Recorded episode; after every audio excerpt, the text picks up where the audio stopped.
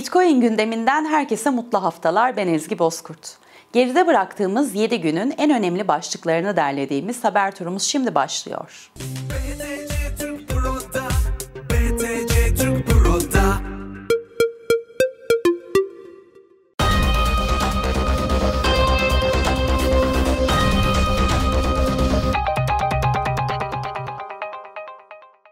Kripto paraların ticarette kullanılmasının konuşulduğu Rusya'dan Bitcoin madenciliğinin dünyadaki en önemli merkezlerinden olan Kazakistan'a elektrik desteği verileceği iddia edildi.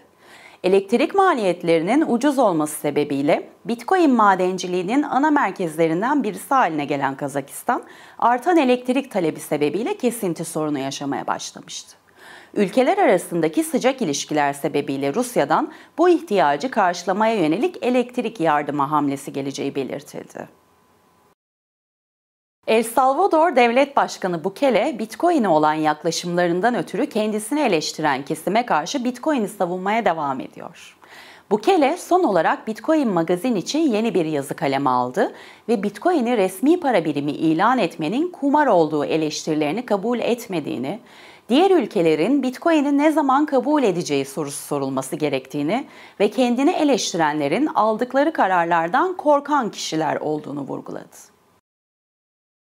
Bitcoin ATM sayısı Eylül ayında tarihte ilk defa düşüş gösterdi.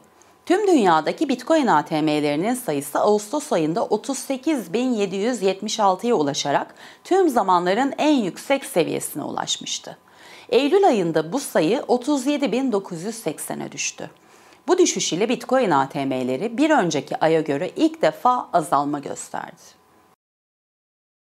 Amerika Birleşik Devletleri Emtia Vadeli İşlemler Komisyonu Başkanı Rostin Behnam, CFTC'nin öncülüğünde Bitcoin ve kripto paralara dair bir düzenleme yapılması durumunda Bitcoin fiyatının iki katına yükselebileceğini belirtti. Behnam yaptığı açıklamada CFTC'nin liderlik ettiği bir düzenlemenin sadece Bitcoin fiyatına değil tüm kripto para sektörüne olumlu yansıyacağını vurguladı. Bitcoin ile ödeme kabul eden firmalara bir yenisi daha eklendi. Avrupa'nın Bitcoin başkenti olma hedefiyle birçok proje gerçekleştiren İsviçre'nin Lugano kentinde ünlü fast food zinciri McDonald's Bitcoin ile ödeme hizmeti başlattı. Bitcoin gündeminin bu haftalık sonuna geldik. Gelişmelerden haberdar olmak için Satoshi TV YouTube kanalına ve Satoshi Radyo'ya abone olabilirsiniz. Gelecek hafta görüşünceye dek hoşçakalın.